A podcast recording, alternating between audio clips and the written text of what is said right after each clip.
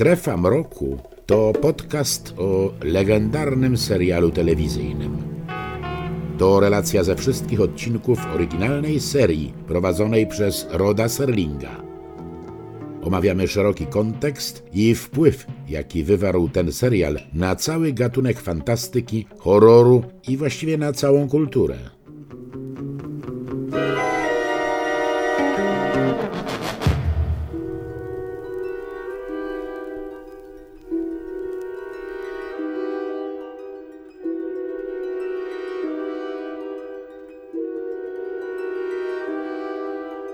Witam Cię, Rafale. Witam Cię, Jacku, witam wszystkich słuchaczy podcastu Strefą Mroku. Jeszcze na chwilę wracamy e, do piątego sezonu. Mm, taki appendix, wyrostek robaczkowy mm. mamy dla Was dzisiaj, słuchacze, bo my jesteśmy trochę uparci jak osły takie, jeśli chodzi o mm, Strefę Mroku. To znaczy, jak pamiętacie, jeśli słuchaliście, mm, to omawiamy wszystko. To znaczy, staramy się wycisnąć z tych sezonów wszystko, co wiemy, ale też wszystko, co mamy dostępne w nanośnikach, z których korzystamy. My od wielu lat, tak naprawdę od początku, korzystamy z wydania Blu-ray.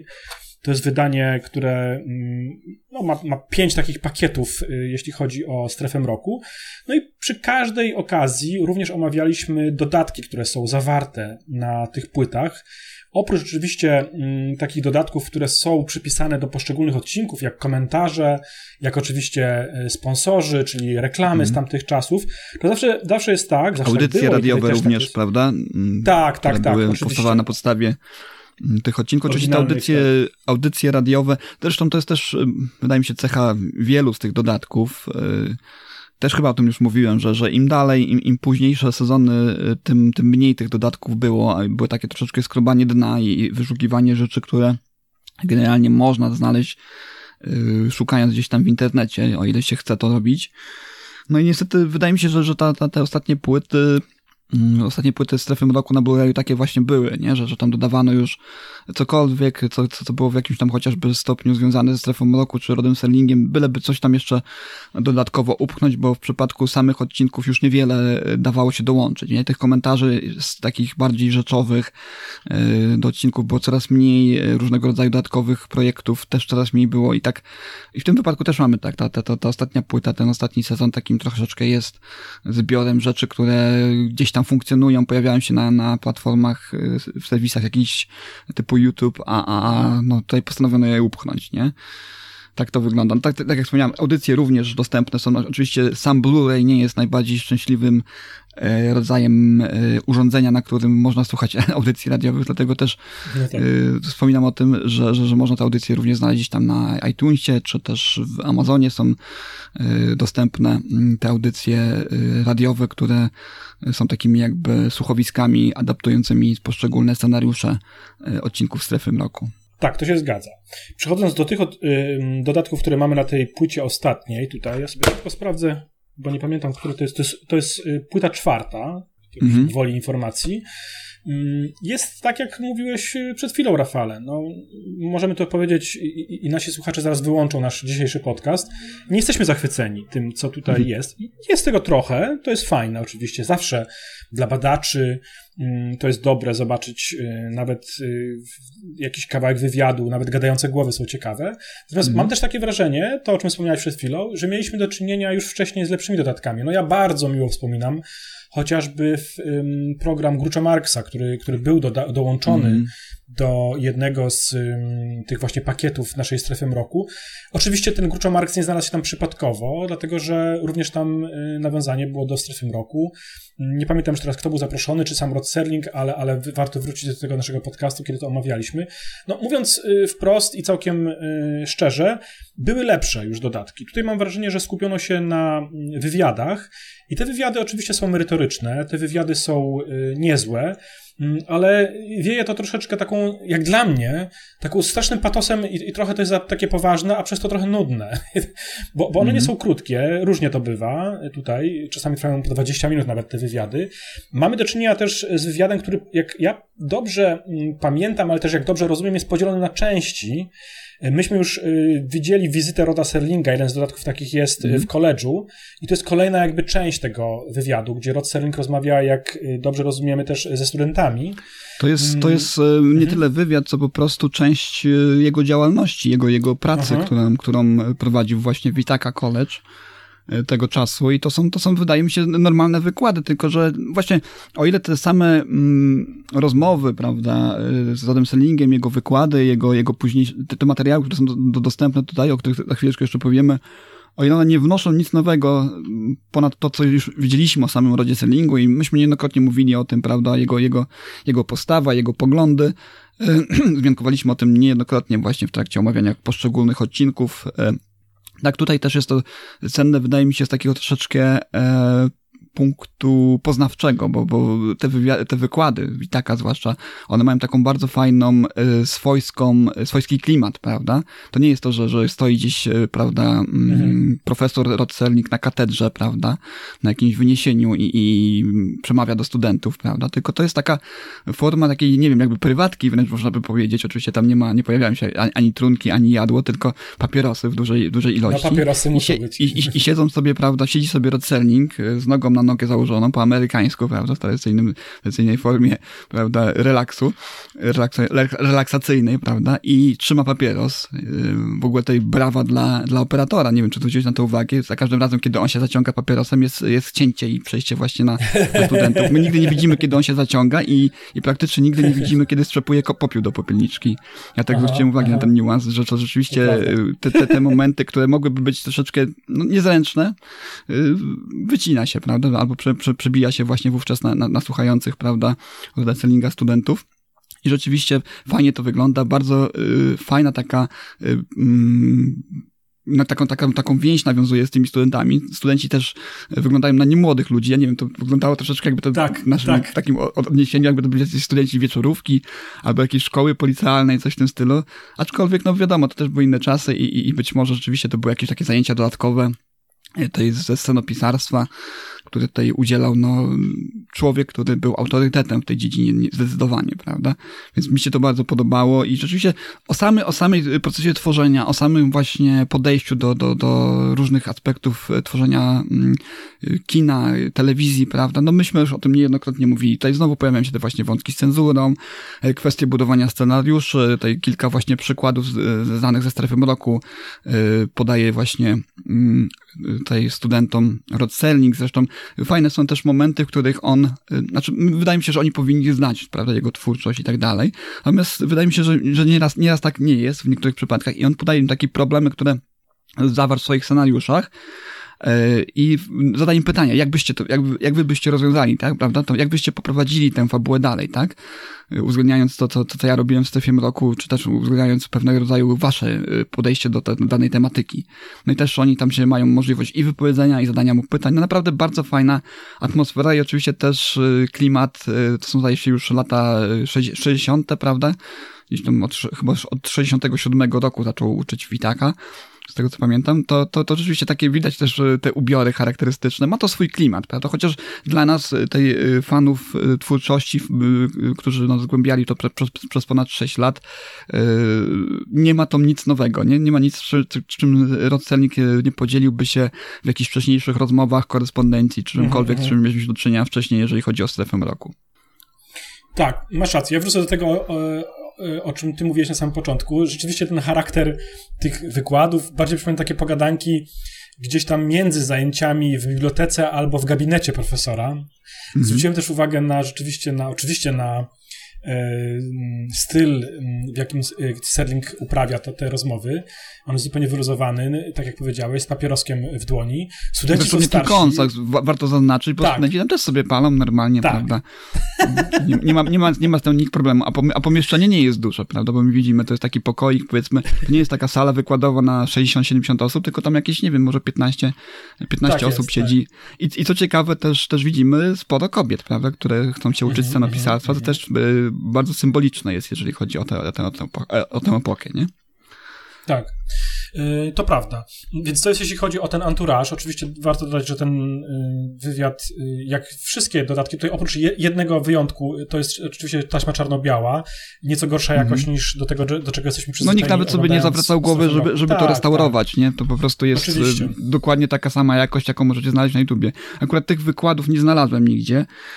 Być może gdzieś tam na mniej takich popularnych platformach można je znaleźć, ale, ale na przykład ten późniejszy materiał, o którym powiemy, Netherlands Pitch, Pitch Sales, no już jest dokładnie w takiej samej jakości na tym Blu-rayu, jaki był, mhm. jaki jest dostępny w internecie. Tak jest.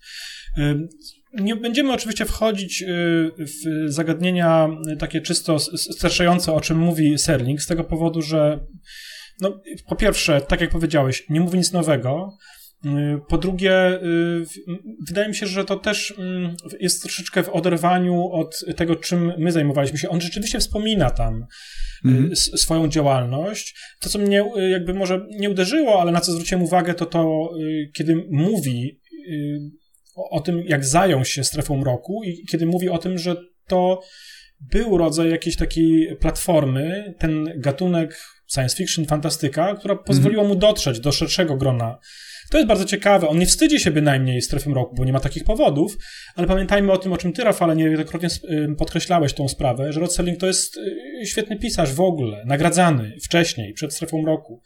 Y, dramatopisarz, można powiedzieć, który, który potrafił stworzyć y, prawdziwe dramaty bez cienia właśnie tego anturażu gatunkowego, jakim jest strefa mroku.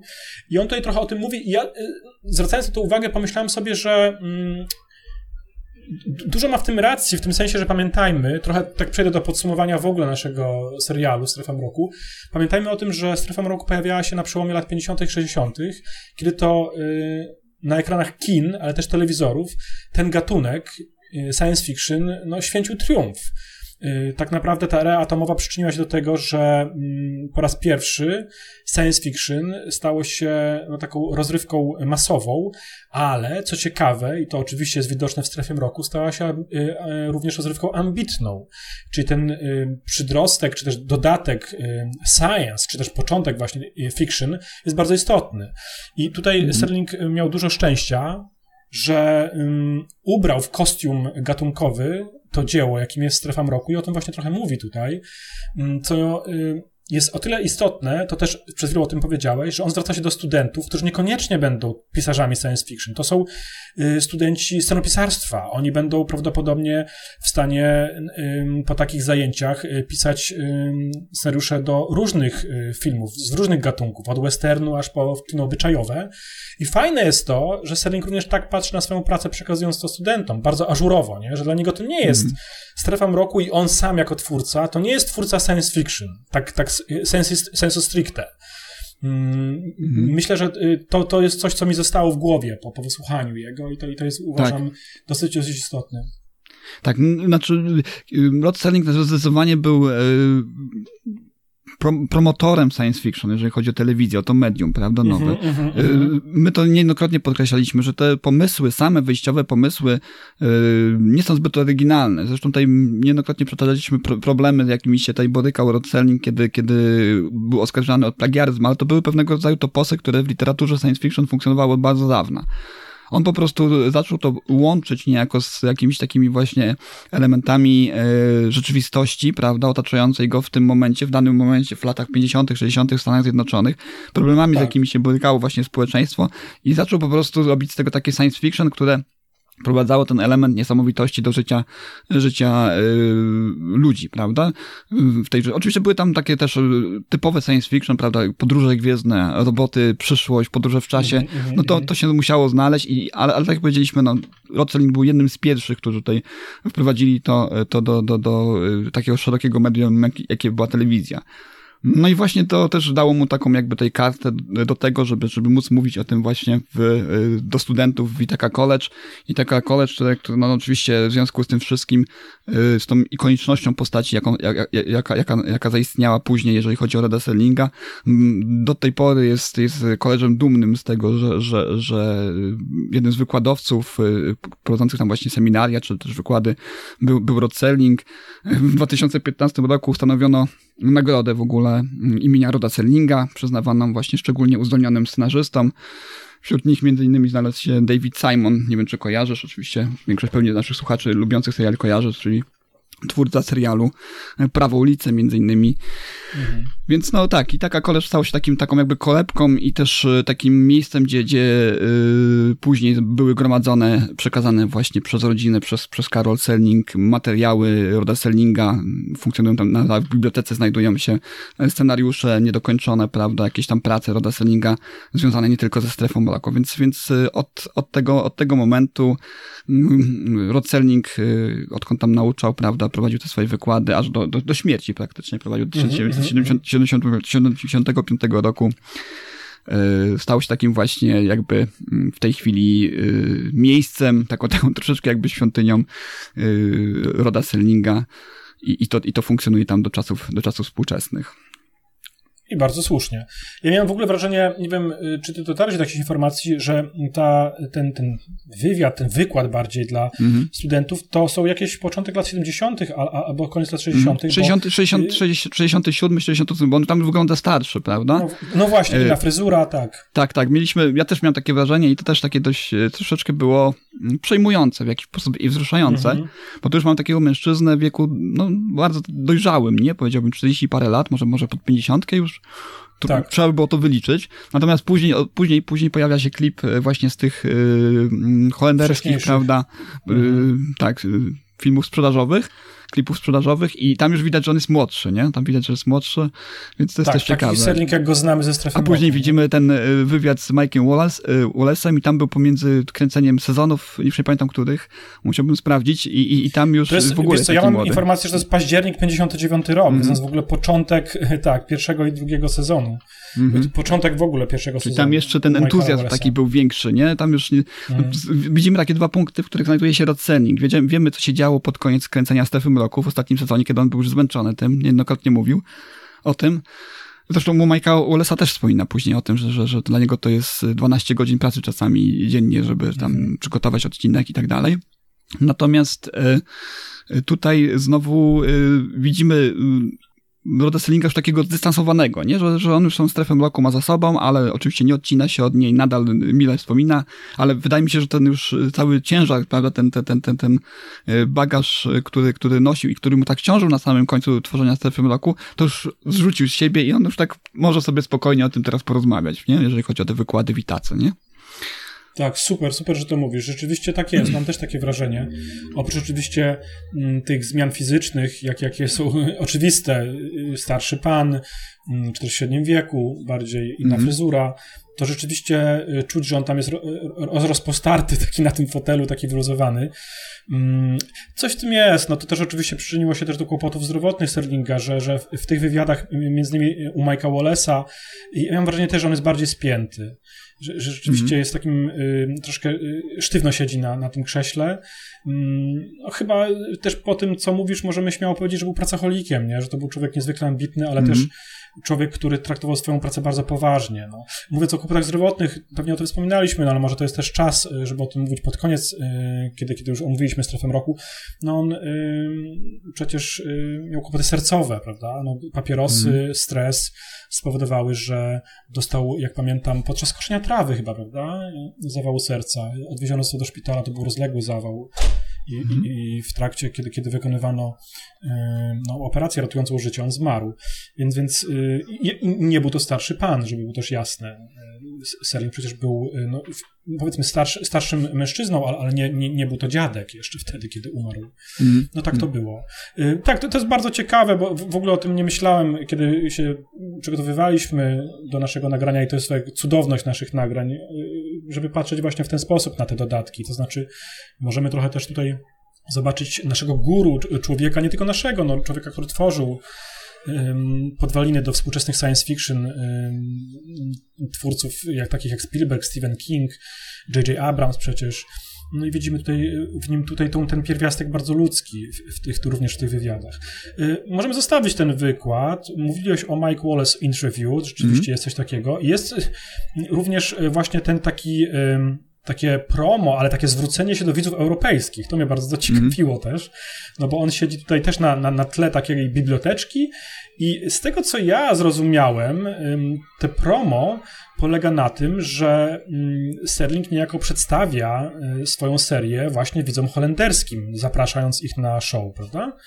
Mhm, tak, to jest, to jest y, taka sesja dla, dla właśnie, tak jak powiedziałem, widzów europejskich w Stanach Zjednoczonych to było bardzo dobrze mhm. znane, prawda? Y, wówczas Stefan Roku święciła popularność, to są chyba lata 60., kiedy, mhm. kiedy on siedzi przed tym na, na, na tle takiej biblioteczki, nie wiem, czy to u siebie w domu, czy na jakiejś właśnie stylizowanej mm, scenografii, na tle jakiejś stylizowanej scenografii.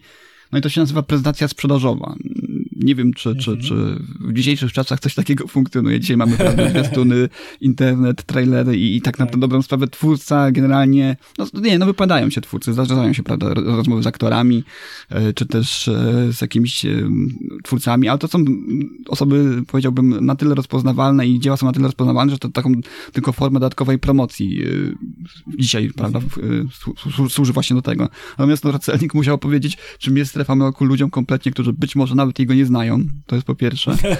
Po, po, no. po, drugie, po drugie też y, nie wiedzą, czy to jest strefa mroku. Po trzecie też sprzedać koncept science fiction, który też, jak, jak wiemy, mm, no w tamtych czasach w takim powszechnie, powszechnie, y, powszechnej świadomości, tak, powszechnie, powszechnej świadomości było taką ramotką, zresztą na całym świecie, prawda? Science fiction to była taka, taka właśnie literatura Juliusz gdzieś tam... Verne bardziej, nie? Dla, dla w tym, w tym okresie spy, spy, spychana właśnie do, do takiej właśnie jakichś tam bajek dla, dla nastolatków, mhm. prawda? No i musiał, to jest, jest to krótki, krótki tutaj yy, materiał, Selling tutaj opowiada i bardzo mi się podoba jeden tutaj ustęp, że, że no, postanowił dać przykład tego, czym jest Stefan Roku i mówi tutaj, że, że daje przykład właśnie mężczyzny stojącego na, na, na, na dachu płonącego budynku mm -hmm. i w, normalnych, prawda, filmach to są sposoby, jak możesz stamtąd wydostać, na przykład, nie wiem, przy, zbiec po, jakoś po, po klatce schodowej, czy jakieś, z jakiejś drabiny skorzystać, czy nie wiem, z pomocy strażaków, a w strefie mroku on mówi, że po prostu, y, że w strefie mroku on po prostu umie latać, nie? Więc taki tutaj kontrastowy przykład daje, że, że, że, że jest to zderzenie właśnie takich problemów y, rzeczywistych, na jakie może napotkać człowiek, z elementem nadprzyrodzonym. I to bardzo ładnie w tym jednym, jednym zdaniu tutaj y, sprzedaje niejako ten koncept. I wydaje mi się, że to na tyle chwytliwe było, że, że się udało. Nie? Mówi też tam o tym, że, że, że, że o tym zawieszeniu niewiary troszeczkę wspomina też. Więc y, no, bardzo fajny, fajny materiał, też mówi coś o, o, o czasach, bo, bo, nie o, bo zdecydowanie nie o tym, czym jest strefa mroku, bo my, my to już dzisiaj doskonale wiemy, czym była strefa mroku i co przerabialiśmy niejednokrotnie na antenie tego podcastu. Natomiast sprzedać coś, co, co, co jest obce, co jest y, nietypowe, co jest zupełnie, zupełnym nową, jeżeli chodzi o telewizję, osobom, które nie miały z tym wcześniej do czynienia, no mm, tak. ani też z literaturą science fiction, no to rzeczywiście wydaje mi się, że tutaj Rod Selling bardzo ładnie w punkt wszystko opowiedział, mając do dyspozycji zaledwie jakieś 4 czy 5 minut, minut czasu, nie? Bardzo, bardzo fajny też y, poglądowy materiał o czasach, mówi nam, o czasach y, mhm, innych zupełnie, mhm. czasach przedinternetowych, czasach właśnie przed tym całym szumem y, medialnym, hypem, y, którym się wiąże właśnie promocja współczesnych dzieł telewizyjnych, seriali i również filmów kinowych, nie? Więc to też bardzo fajna rzecz. A mówiąc o czasach, to jest też dodatek, jeszcze, jeszcze są dwie rzeczy, na które ja chciałem zwrócić uwagę. Mm. Jest y, domowe wideo, tak, tak to nazwijmy, czyli taki, taki wgląd y, w prywatne, można powiedzieć, materiały, już nie samego Serlinga, ale nam dobrze znanego y, George'a Claytona Johnsona. I to jest jedyny materiał y, kolorowy. Z tego, co widzę, to jest najpewniej zrobione na taśmie 16 mm. Mm, tak, to ten materiał... Mm, mm. Tak, tak, tak. O, opatrzony jest dodatkowo ten materiał um, komentarzem. Y, to jest urocze. Mm, jest to chaotyczne, bo to nie jest, y, tak jak mówiliśmy wcześniej, materiał, który był wcześniej przygotowywany profesjonalnie i to jest jakby siła tego materiału oczywiście. Tam trzęsie się kamera, y, często gubi się ostrość, te kolory są oczywiście mm. z punktu widzenia Takie, takie, takie właśnie coś jak, jak czołówka cudownych lat, prawda? Mniej więcej, tak, czyli, czyli tak, tak, nagrane tak, takim tak. właśnie przypadkiem gdzieś tam jakieś ujęcia, no to też jest cenne z takiego właśnie kronikarskiego, no prawda, punktu widzenia, nie, badaczy. Oczywiście i dla nas chyba y, bardzo ciekawe jest to, że mm, jest to, y, tak jak powiedziałem, powtarzam, y, wgląd w to życie, powiedzmy, prywatne wybitnego scenarzysty. Myśmy chwalili kilka takich postaci, jeśli chodzi o na stale współpracujących scenarzystów z Rodem Serlingiem. To oczywiście jest Richard Matheson, ale mm, mówiliśmy oczywiście również o George'u Claytonie Johnsonie i to jest y, jego materiał, i to jest wgląd w jego życie. Y, tam jest mnóstwo uśmiechniętych twarzy. To jest jakaś impreza po prostu, no co dużo mówić. To nie jest przecież właśnie, tak jak mówiłem, jakiś wywiad specjalnie nagrany z domu y, wielkiego scenarzysty. Wszyscy są casual, jak mówią anglosasi, bardzo, bardzo wyluzowani. I takim tutaj ten wyjątek, ten materiał jest taki wyjątkowy, bo właśnie jest inny ze względu na formę, jak i to, że to nie jest ym, tak zmontowane i tak wyreżyserowane i tak przygotowane, tylko to jest y, amatorski materiał. Ja, ja przyznaję, że y, jeszcze bardziej bym się cieszył, Rafale, gdybyśmy mogli, nie wiem, czy takie są materiały, zobaczyć kiedyś coś takiego z domu Roda Serlinga, nie? z jakiegoś barbecue właśnie, który on uprawiał ze znajomymi, ze z przyjaciółmi, z rodziną, to byłoby mm. super. Tak, no, rzeczywiście byłoby super, y, gdyby pewnie taki materiał był, albo gdyby właśnie spadkobiercy Roda Sellinga chcieli, to pewnie by go udostępnili na tym Blu-rayu. No, takiej opcji nie ma.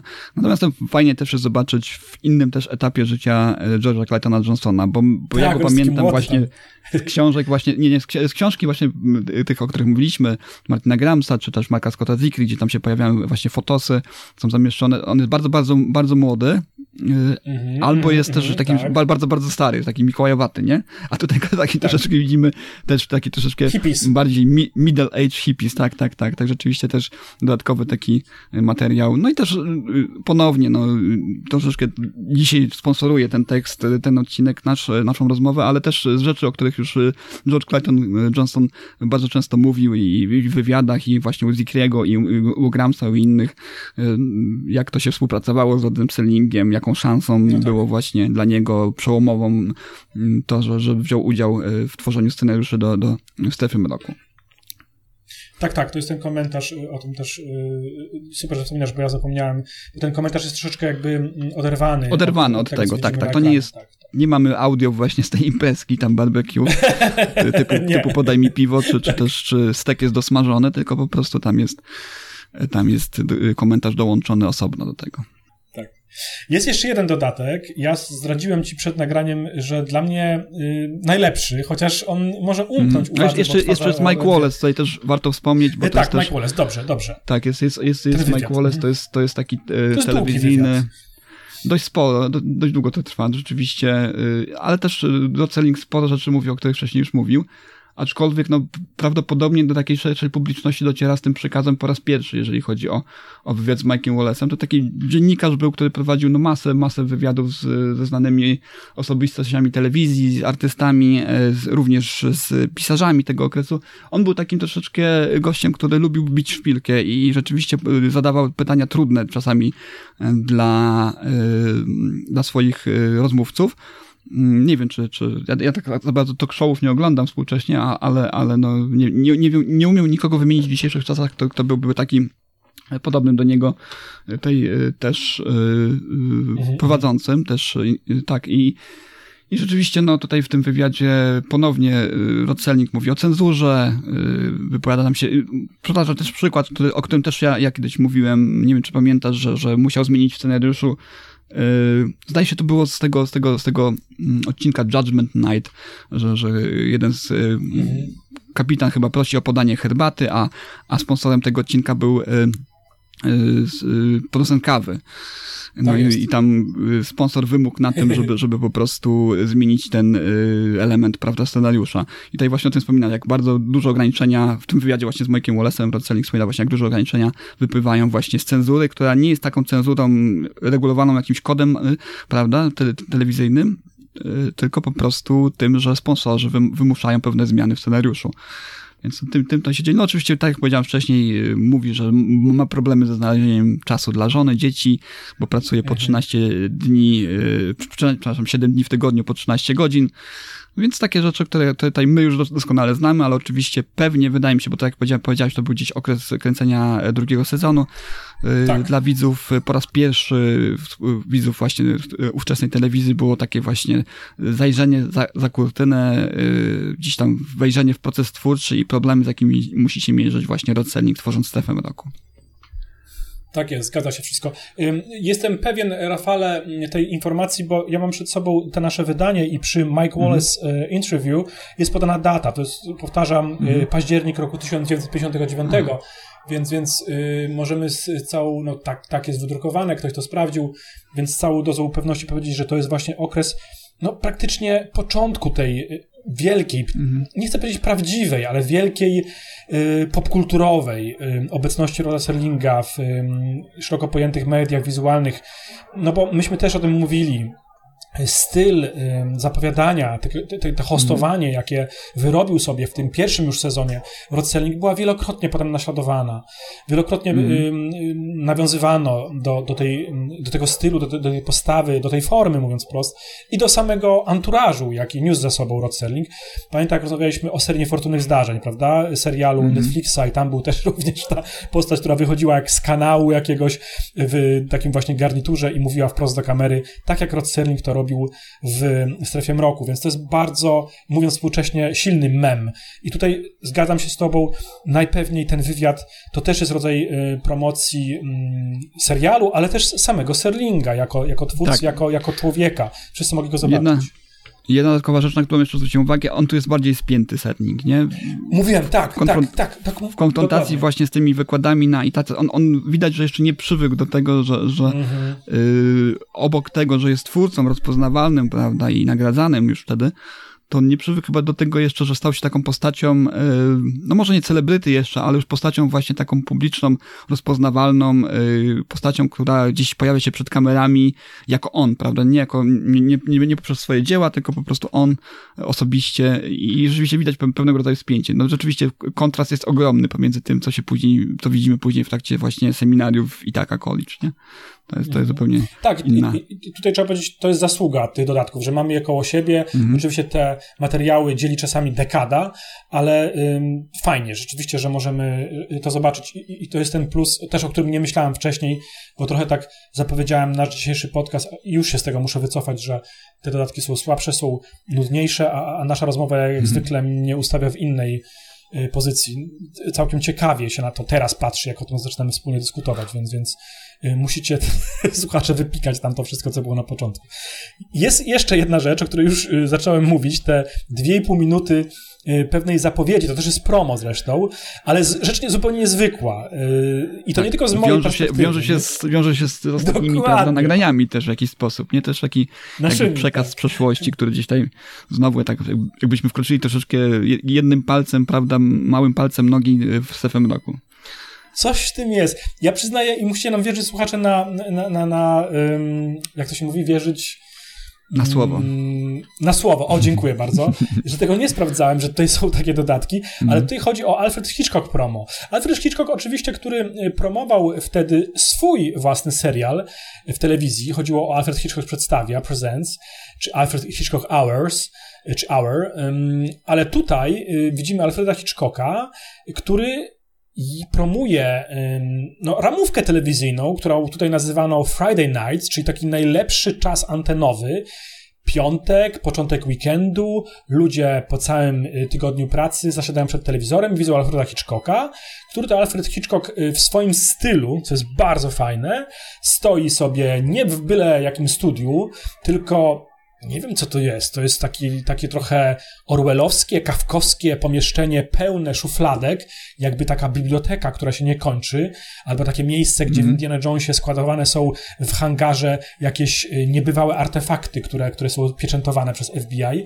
I stoi sobie y, tam Alfred Hitchcock, otwiera te szufladeczki. To są takie szufladeczki, jak może czasami nasi słuchacze młodsi tego nie kojarzą, w bibliotekach można znaleźć, prawda? Takie drewniane, małe szufladeczki, które są, w środku są takie mm, karteczki, y, tekturki, na których wypisane są tytuły książek i coś takiego tutaj mamy przed sobą. Alfred Hitchcock prezentuje nam wybrane, tam kilka otwiera, jedną z takich szufladeczek, co tu dużo mówić, sam Alfred Hitchcock otwiera szufladeczkę z napisem Twilight Zone. Więc spotkali się niejako Rod Serling i mm. Hitchcock. I to, co on powiedział, już ci daję głos, Rafale, mnie to niezwykle ucieszyło, bo my zupełnie podświadomie, wkraczając w strefę roku, mm, zaplanowaliśmy sobie ten cykl y, strefa Hitchcocka, a okazuje się w tym dodatku, że Hitchcockowi też było po drodze ze strefą roku i w bardzo y, bliskim sąsiedztwie strefy mm. roku się pojawił. Ten y, materiał na to wskazuje. Ja, bardzo mnie to ucieszyło. Tak, bardzo sympatyczne. Zresztą tutaj też przy okazji yy, naszła mi myśl, że, że, wiemy już z czego czerpał, tworząc swoje takie introdukcje do, do gabinetu osobliwości Guillermo del Toro, nie? Nie wiem, czy oglądałeś ten mhm. serial na, na, na, Netflixie. na Netflixie. Tak, i też takie właśnie wprowadzenia, chodzi sobie, coś tam wyciąga, różnych, różnych takich właśnie mm, dziwnych y, ma maszyn. To takie trochę podobne do tego było, co, co, co, co widzieliśmy w tym, w tym krótkim materiale. No rzeczywiście ba, ba, bardzo sympatyczne, e, bardzo sympatyczny dodatek. E, czy potrzebny? Może. Miło się na to patrzy, ale, ale, ale rzeczywiście, no, wszystko zebrane w jednym miejscu, te dodatki, konfrontując je ze sobą, właśnie głównie przez pryzmat tego, jak bardzo zmieniał się Rocelling, e, jak bardzo był też wytrwały, prawda, w promowaniu pewnego rodzaju idei, koncepcji, bo on dokładnie mówi te swoje poglądy przedstawia dokładnie takie same, niezmienne, szty, o sztywnym kręgosłupie, prawda? Mm. Zarówno w tym wywiadzie dla Majka Wallace'a, jak i wspominając właśnie w tej e, sesji sprzedażowej dla, dla, dla Holendrów, czy też właśnie y, później na Ithaca College. On cały czas trzyma się pewnego rodzaju poglądów, które, które promował przez właśnie swoją twórczość, przez, przez, całą, przez całe swoje życie, można powiedzieć. Więc to jest też taki fajny troszeczkę tutaj wgląd w ten, w rzeczywistość tej epoki, oczywiście to jak, jak, jak właśnie, jak właśnie mm, na przestrzeni lat Rod Serling stawał się postacią, jaką postacią, jak, jak, jak się kształtowała jego właśnie kariera, też ciekawe. No mówię, fajnie by było, było to więcej, też, też ubolewam nad tym, o czym już też bardzo często wspominałem, że dodatki nie mają nawet polskich napisów, także niektóre kwestie zważywszy na to, że już nie chodzi o znajomość języka angielskiego, którą no, obaj z Jackiem mamy dość dobrze opanowaną, y, ale te, te, ta jakość audio jest, jest y, mhm, straszna tam, te spore Tak, to nie ma angielskich napisów nawet. Nie ma angielskich napisów i właśnie w tym, w tym przydałyby się angielskie napisy, bo naprawdę szum jest konkretny, albo ewentualnie jakieś lepsze wyczyszczenie tych ścieżek audio, to oczywiście nikomu się nie chciało, no jak powiedzieliśmy, no te dodatki zdecydowanie sprawiają e, wrażenie takich dodatków dołączonych, e, żeby zapchać miejsce. Są, są, są ciekawe pod pewnymi względami dla nas, kiedy na nie, kiedy na nie patrzymy, kiedy mhm. oglądamy, zagłębiamy się w pewne niuanse, natomiast no wypadałoby, żeby było troszeczkę lepiej to dopracowane pod kątem technicznym. Dlatego też troszkę, troszkę, troszkę szkoda, nie? Że, że tam nie, nie dołączono jakiś. Tak, tak jak powiedziałem, no musiałem sobie niektóre kwestie, niektóre fragmenty wypowiedzi cofać kilkukrotnie, żeby, żeby gdzieś tam wyłapać e, sedno tego, co, co, e, co chcieli tutaj mm, powiedzieć nie tylko Rod Serling, ale też właśnie studenci, którzy tam dopytują, zadają pytania, są szczerze zainteresowani tym, w jaki sposób właśnie działa proces twórczy w przypadku właśnie Roda Serlinga. Mhm, mhm. Jak już tak troszeczkę y, narzekamy, to to, co ja mogę powiedzieć na temat w ogóle dodatków wszystkich, no bo dzisiaj niejako podsumowujemy, tak jak podsumowywaliśmy, może jeszcze nie podsumowywaliśmy y, całej strefy roku, ale skończyliśmy strefę roku, i y, omówiliśmy już wszystkie też dodatki, to mnie trochę brakuje trochę rozszerzenia tego uniwersum, bo dużo tu jest rzeczywiście o mm -hmm. scenarzystach, o samym Serlingu. Mm, brak mi trochę na drugą nogę, że tak powiem kolokwialnie. Mm, trochę zwrócenia uwagi również na y, pewną estetykę, czyli trochę ludzi, którzy być może żyli wtedy, kiedy nagrywali te dodatki, to jest 2011 rok przecież, czyli mm -hmm. scenografów, rekwizytorów. Y, ja wiem, że te miejsca praktycznie nie istnieją, no bo to były hale zdjęciowe, ale częściowo również przecież nagrywane, o tym też mówiliśmy w e, prawdziwych plenerach albo w mhm. dekoracjach, które to przecież do dzisiaj istnieją, chociażby e, słynne miasteczko, które, które wielokrotnie pojawia się w różnych innych filmach, o tym też mówiliśmy, mm. do przyszłości chociażby.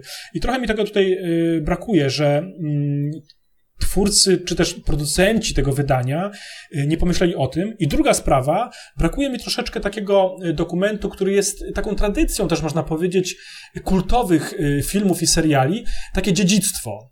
Trochę mi brakuje mm. tutaj spojrzenia takiego szerszego również na to, o no, czym już wspomniałem. Że. Spielberg, że King, że J.J. Abrams, ich filmy, jakieś podobieństwa, nie jakieś, tylko konkretne podobieństwa, nie muszę tutaj powtarzać. Pozdrawiamy znowu Mando z, ze strefy, nie ze strefy roku, tylko z radia SK.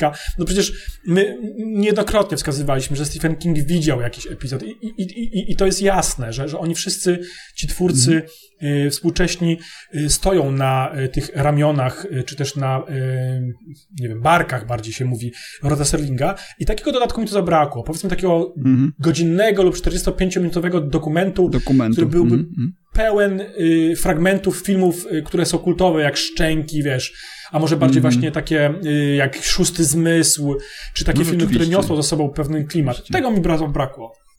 Rzeczywiście y, zgadzam się z tym. Nie, nie, nie powstał według mojej wiedzy żaden profesjonalny dokument, który gdzieś by właśnie podsumował taki półtorej godzinny film chociażby, prawda? Jak, jak na mhm. Netflixie są te, te mm, właśnie mm-hmm, nie wiem, mm-hmm. seriale waszej młodości, czy, czy też filmy waszej młodości, mm-hmm. prawda?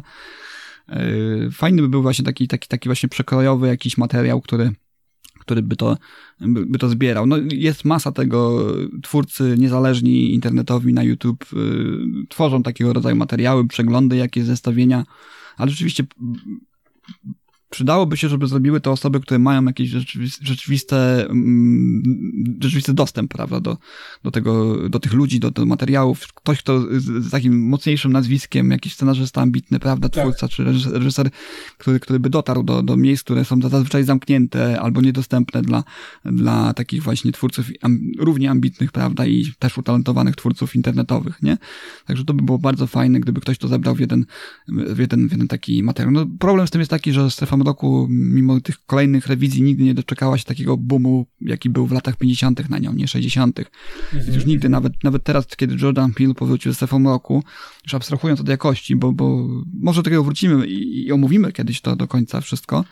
Tam były mhm. też bardzo dobre odcinki w tym, w tym yy, w tej rewizji właśnie Jordana Billa, ale nawet to, to, to, to nie, nie, sprawiło, że, że Strefa Mroku stała się znowu czymś bardzo popularnym, bo wydaje mi się, że, że gdyby tak było, to, to wtedy rzeczywiście ktoś by się pokusił o stworzenie takiego jakiegoś materiału, y, który, który przybliżyłby wszystkim tym widzom zainteresowanym współcześnie Strefą Mroku. No niestety pozostajemy my, niszowi twórcy. O tym pozostają, pozostają, pozostają inni podcasterzy, tutaj wspomniany niejednokrotnie Tom Elliot, który no, mega profesjonalnie podchodzi do tego i rzeczywiście jest jeden z takich właśnie twórców internetowych, podcasterów, któremu się udało dzięki właśnie popularności, jaką zdobył jego serial, wsparciu również e, jego, jego grupy, jego, jego słuchaczy.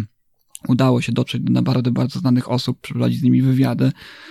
E, nie wiem, czy musiał, musiałbym sprawdzić, bo przyznam szczerze, że, że już dość długo nie, nie, nie zaglądałem na jego stronę, ale musiałbym sprawdzić, czy ten e, właśnie zbiórka, którą udostępnił, żeby pojechać do Binghamton i tam zrobić kilka, do Binghamton miejsca właśnie miasteczka, w którym mieszkał Rod Selling i tam zrobić jakieś, jakieś yy, nagranie, podcast. Materiał. Nie wiem, czy to się udało, czy, czy, czy, trzeba po prostu sprawdzić to.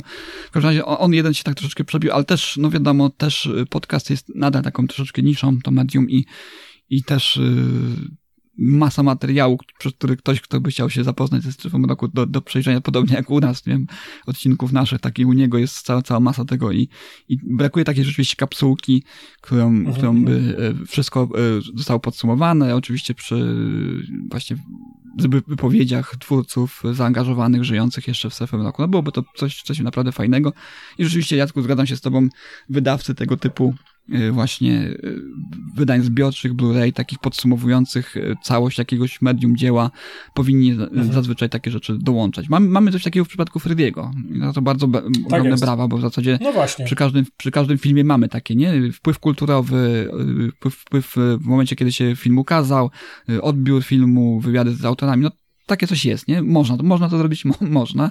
Oczywiście y, nie, nie, nie tutaj zestawiać tych dwóch ze sobą i ich wpływu na, na popkulturę, jak bardzo popularny jest Freddy, Freddy w stosunku do strefy mroku, ale, ale no wydaje mi się, że, że przydałoby się, wypadałoby, no ale jak wiemy, nie wiem, jak to jest z komentarzami dołączonymi tutaj do wydania Blu-ray. Y, wiem, że one były wykorzystane, y, stworzone na potrzeby DVD, większość z nich tutaj mam na Blu-rayu, więc to też, nie jest jakaś taka wartość, którą stworzono tylko i wyłącznie na, na potrzeby wydań Blu-ray.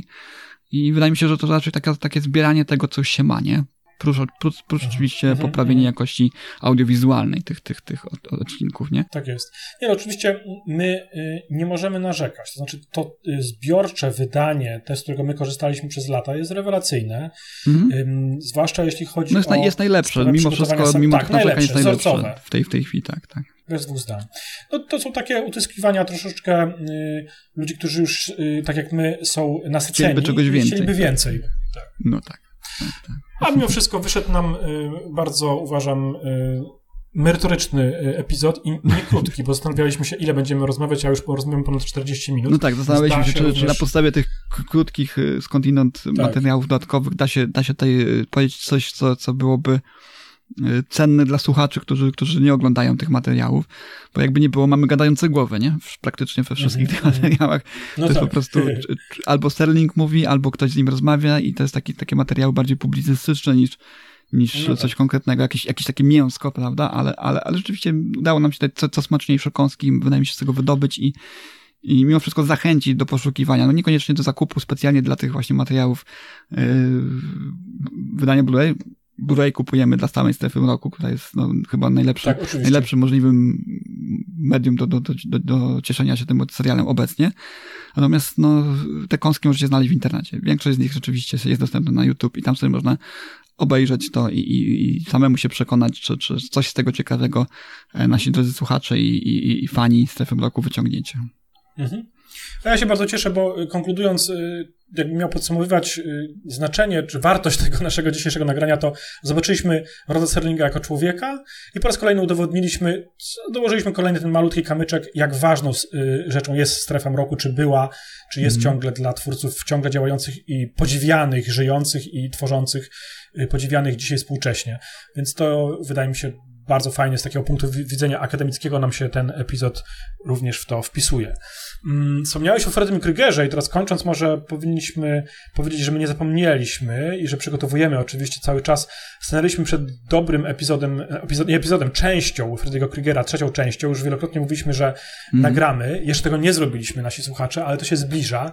Nie zostawimy tak, was najbardziej na pewno... prawdopodobnie kolejnym odcinkiem, który, który usłyszycie, tak jest. będzie właśnie odcinek o, o y, snów, czyli części trzeciej Koszmaru z ulicy Wiązów. Tak z plejadą gwiazd.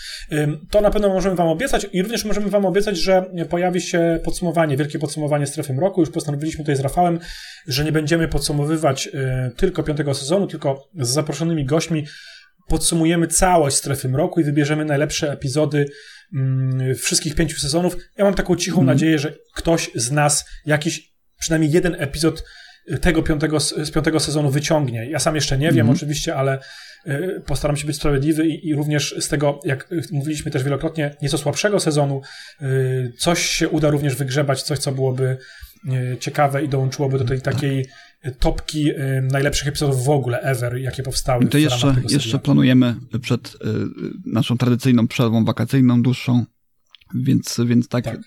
tym zamkniemy, powiedziałbym, kolejny sezon strefy mroku podcastu. Y, o ile oczywiście się uda, bo, bo za to też trzymamy kciuki mocno, zważywszy na to, że, że życie wokół nas jest intensywniejsze, więcej obowiązków oczywiście, ale, ale no i oczywiście te, te odcinki z gośćmi, zazwyczaj tą, tą, tą logistyczną kwestią są zgrania oczywiście czasowego wszystkich, którzy, którzy chcieliby wziąć udział w takim nagraniu. Oczywiście. To wszystko jest prawda, ale my się nie poddajemy, przede wszystkim ciągle nagrywamy.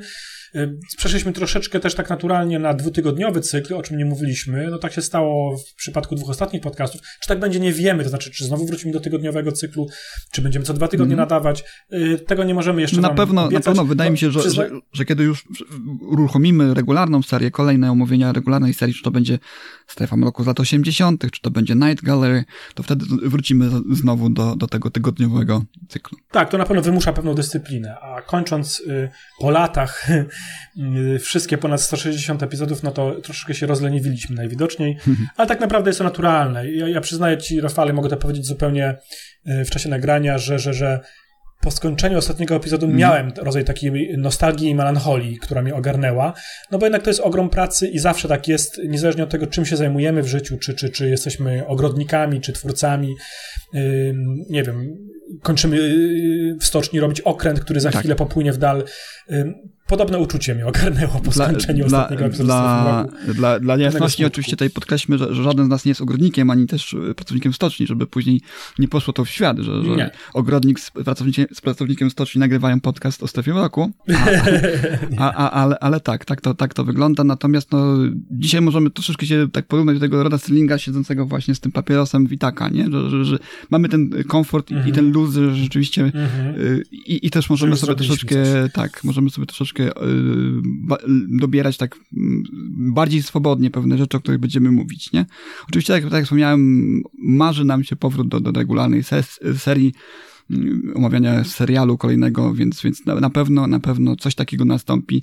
Być może właśnie z nową energią po, po tej przerwie wakacyjnej zasiądziemy przed mikrofonami i, i wrócimy do, no pewnie do Roda Sellinga, do Roda Sellinga zdecydowanie, a, a czy to będzie właśnie jego spuścizna w postaci właśnie tej kolejnej strefy roku, czy też właśnie Night Gallery, o którym praktycznie nie wiemy nic poza tym, że było i że mm, brał udział w tym rodcelnik, co też może być ciekawym dla nas doświadczeniem, prawda, że taką troszeczkę czystą kartą będziemy do tego podchodzili, no to zobaczymy jeszcze. Zobaczymy, wszystko przed nami.